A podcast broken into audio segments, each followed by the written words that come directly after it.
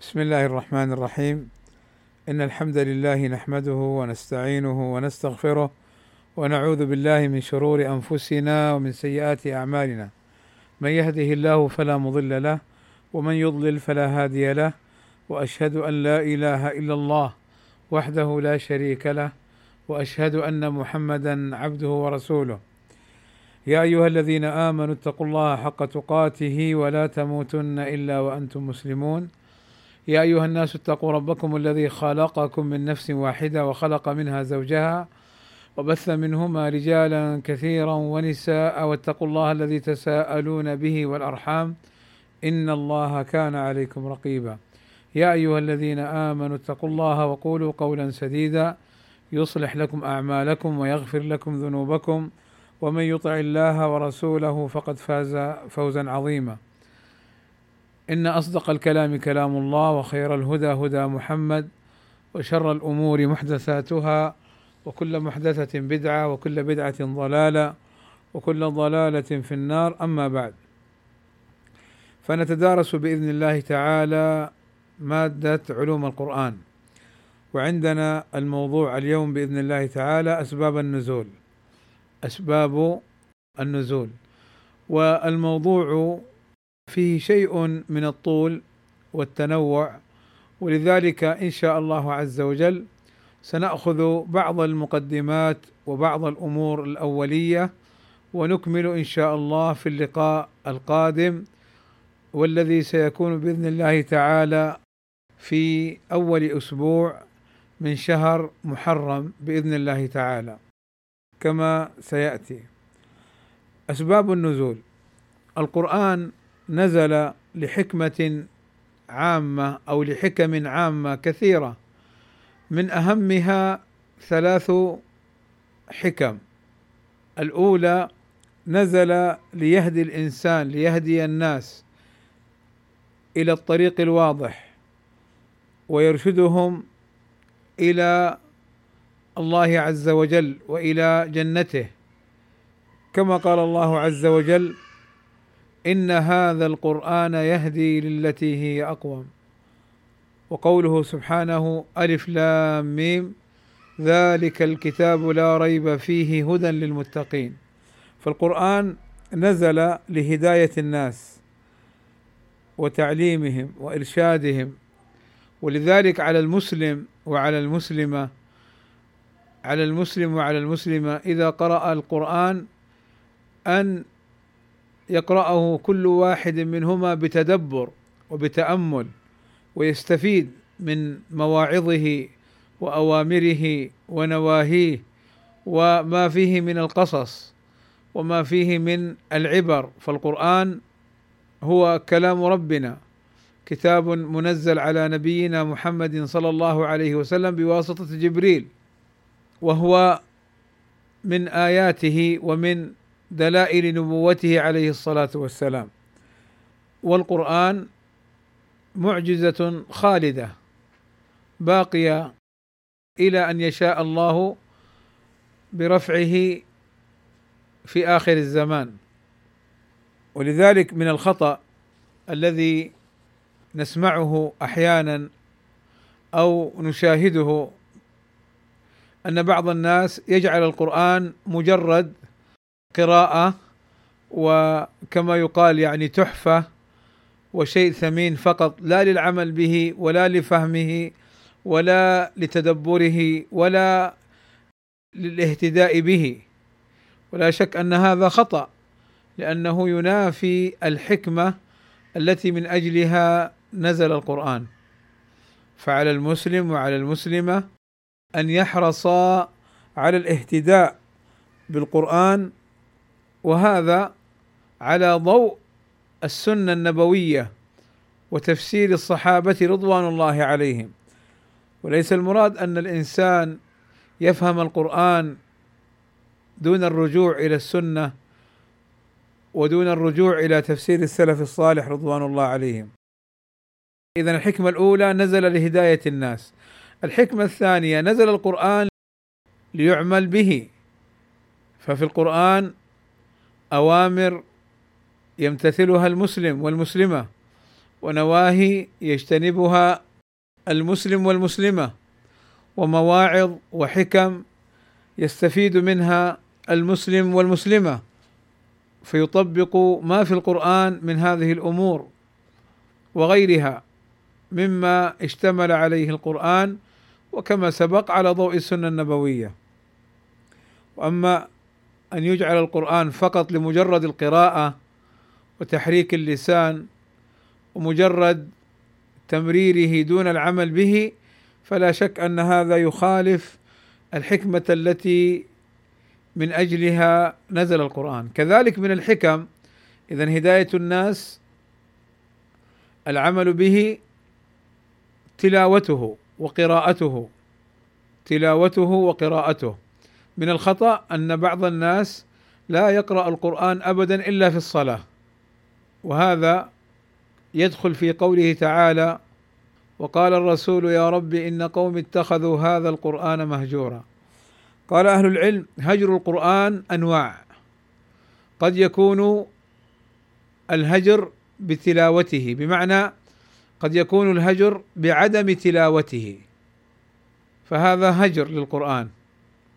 وهو بسبب عدم قراءته وعدم هجر القرآن يكون بقراءته في الصلاة وفي غيرها في رمضان وفي غيره. أما أن يجعل القرآن فقط في رمضان أو يجعل فقط في الصلاة لا شك أن هذا يخالف الحكمة التي لأجلها نزل القرآن. ومن أنواع الهجر للقرآن هجر العمل به وهو أشد. يعني لا يعمل بالقرآن. يعرف الأحكام الشرعية التي وردت في القرآن من الأوامر والنواهي ولا يمتثلها فهذا هجر للقرآن. هذه بعض الحكم العامة من نزول القرآن على النبي صلى الله عليه وسلم ونزوله أيضا لهذه الأمة للإرشاد والهداية والتدبر والتلاوة والعمل. وقد اعتنى العلماء بأسباب النزول وهناك حكم خاصة ستأتي إن شاء الله. وقد اعتنى العلماء بأسباب النزول وأفردوا لها مؤلفات ككتاب الواحد أسباب النزول للواحد. والحافظ ابن حجر له كتاب اسمه العجاب في معرفة الأسباب. آه لم يكمل. كذلك السيوطي له أسباب نزول القرآن. ومن أفضل ما ألف في أسباب نزول القرآن كتاب الشيخ مقبل ابن هادي الوادعي رحمه الله تعالى الصحيح المسند من أسباب النزول. لأن أسباب النزول هناك كما سيأتينا إن شاء الله في موضعه هناك أسباب لم تصح أسباب لم تصح من ناحية الرواية. فهي ضعيفة. ومعلوم أن سبب النزول للآية طريقه الرواية عن النبي صلى الله عليه وسلم أو عن الصحابة كما سيأتينا إن شاء الله تعالى. فأسباب النزول ليست بالرأي وإنما بالرواية. ولذلك ألف العلماء المؤلفات وذكروا أسانيدهم إلى النبي صلى الله عليه وسلم وإلى الصحابة رضوان الله عليهم. وأسباب النزول الخاصة ترجع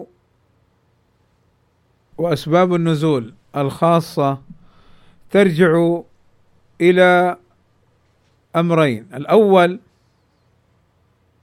أن يحصل أمر أو تحدث حادثه فينزل القرآن في بيانها وما يتعلق بها. مثل ما نزلت سورة تبت يدا أبي لهب وتب لأن النبي صلى الله عليه وسلم لما نزل عليه قوله وأنذر عشيرتك الأقربين. قام في قومه وصعد الصفا وأخبرهم بأنه نذير لهم بين يدي عذاب شديد. فقال له أبو لهب تبا لك ألهذا جمعتنا؟ فنزلت السورة تبت يدا أبي لهب وتب. إذا هذا الأمر الأول أن يحصل شيء أو تحدث حادثة فينزل القرآن بشأنها. والأمر الثاني أن النبي صلى الله عليه وسلم يسأل عن شيء فينزل القرآن ببيان حكمه مثل ما حصل في أول سورة قد سمع لما جاءته خولة بنت ثعلبة لما ظهر منها زوجها أوس بن الصامت. فنزل قوله تعالى قد سمع الله قول التي تجادلك في زوجها وتشتكي إلى الله.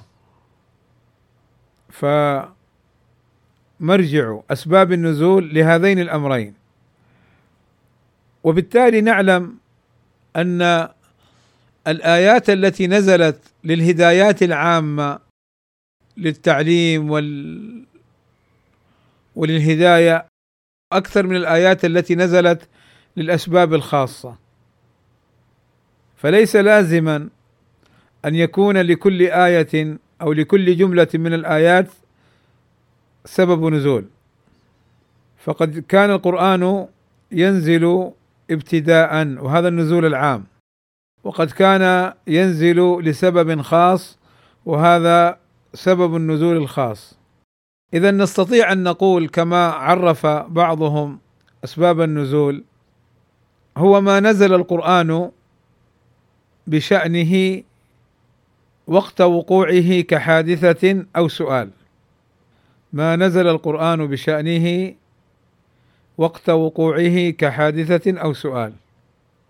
ولمعرفة أسباب النزول فوائد منها فهم الآية.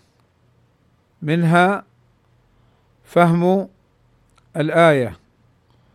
والمراد بها لأن سبب النزول يكشف للمفسر ويوضح للمفسر المراد بالآية. مثل قوله تعالى إن الصفا والمروة من شعائر الله. فمن حج البيت أو اعتمر فلا جناح عليه أن يطوف بهما. ومن تطوع خيرا فإن الله شاكر عليم. نلحظ في قوله تعالى فلا جناح عليه أن يطوف بهما.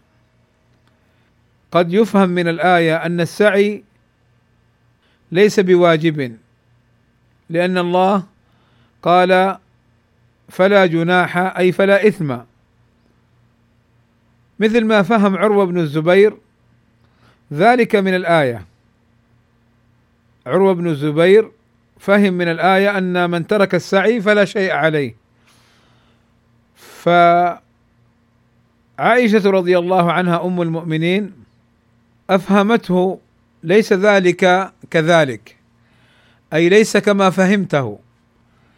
وأن معنى الآية أن الصحابة رضوان الله عليهم خشوا من الإثم في السعي بين الصفا والمروة، لماذا؟ لأن عاده أهل الجاهلية أنهم كانوا يطوفون على صنمين، صنم على الصفا وصنم على المروة، فكان الصحابة يتحرجون من ذلك، فأنزل الله عز وجل الآية السابقة فمن حج البيت أو اعتمر فلا جناح عليه أي فلا إثم عليه أن يطوف بهما ظنا منه أن ذلك يوافق عمل الجاهلية.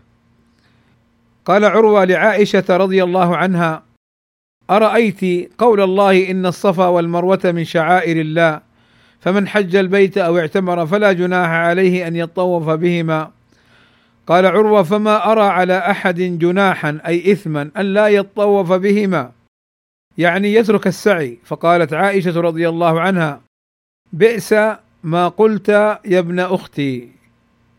إنها لو كانت على ما أولتها أي فسرتها كانت فلا جناح عليه أن لا يطوف بهما. ولكنها إنما أنزلت أن الأنصار قبل أن يسلموا كانوا يهلون لمنات الطاغية التي كانوا يعبدونها. وكان من أهل لها يتحرج أن يطوف بالصفا والمروة في الجاهلية. فأنزل الله هذه الآية. ثم بين النبي صلى الله عليه وسلم أن الطواف بهما ليس لأحد أن يدعهما. اذا معرفة سبب النزول يفيد في فهم الآية وفهم المراد منها. ولذلك أيضا هذا يوضح امرا مهما وهو أنه لا يمكن الاستقلال بفهم القرآن عن السنة وعن الصحابة رضوان الله عليهم. كذلك من الفوائد معرفة الحكمة التي من أجلها نزلت هذه الآية وشرع هذا الحكم. فلما يقف المفسر على سبب النزول يعرف الحكمة التي من أجلها شرع ذلك الحكم. كذلك من الحكم معرفة هل المراد باللفظ العموم أو المراد به الخصوص وهذه مسألة ستأتينا بإذن الله تعالى. على سبيل المثال قوله تعالى في سورة والليل إذا يغشى وسيجنبها الأتقى الذي يؤتي ماله يتزكى وما لأحد عنده من نعمة تجزى إلا ابتغاء وجه ربه الأعلى. هذه الآية بالإجماع نزلت في أبي بكر وأن المراد بها أبو بكر رضي الله عنه. فكذلك هناك فوائد أخر لمعرفة سبب النزول. ولكن أبرز هذه الفوائد هو ما يتعلق بفهم القرآن وتفسيره. هذا يعني من أبرز الفوائد المتعلقة بمعرفة سبب النزول. طيب سيأتينا إن شاء الله تعالى في ألفاظ سبب النزول وكيفية معرفة ذلك آه، في اللقاء القادم بإذن الله تعالى وأكتفي بهذا القدر وصلى الله وسلم على نبينا محمد وعلى آله وصحبه وسلم أجمعين.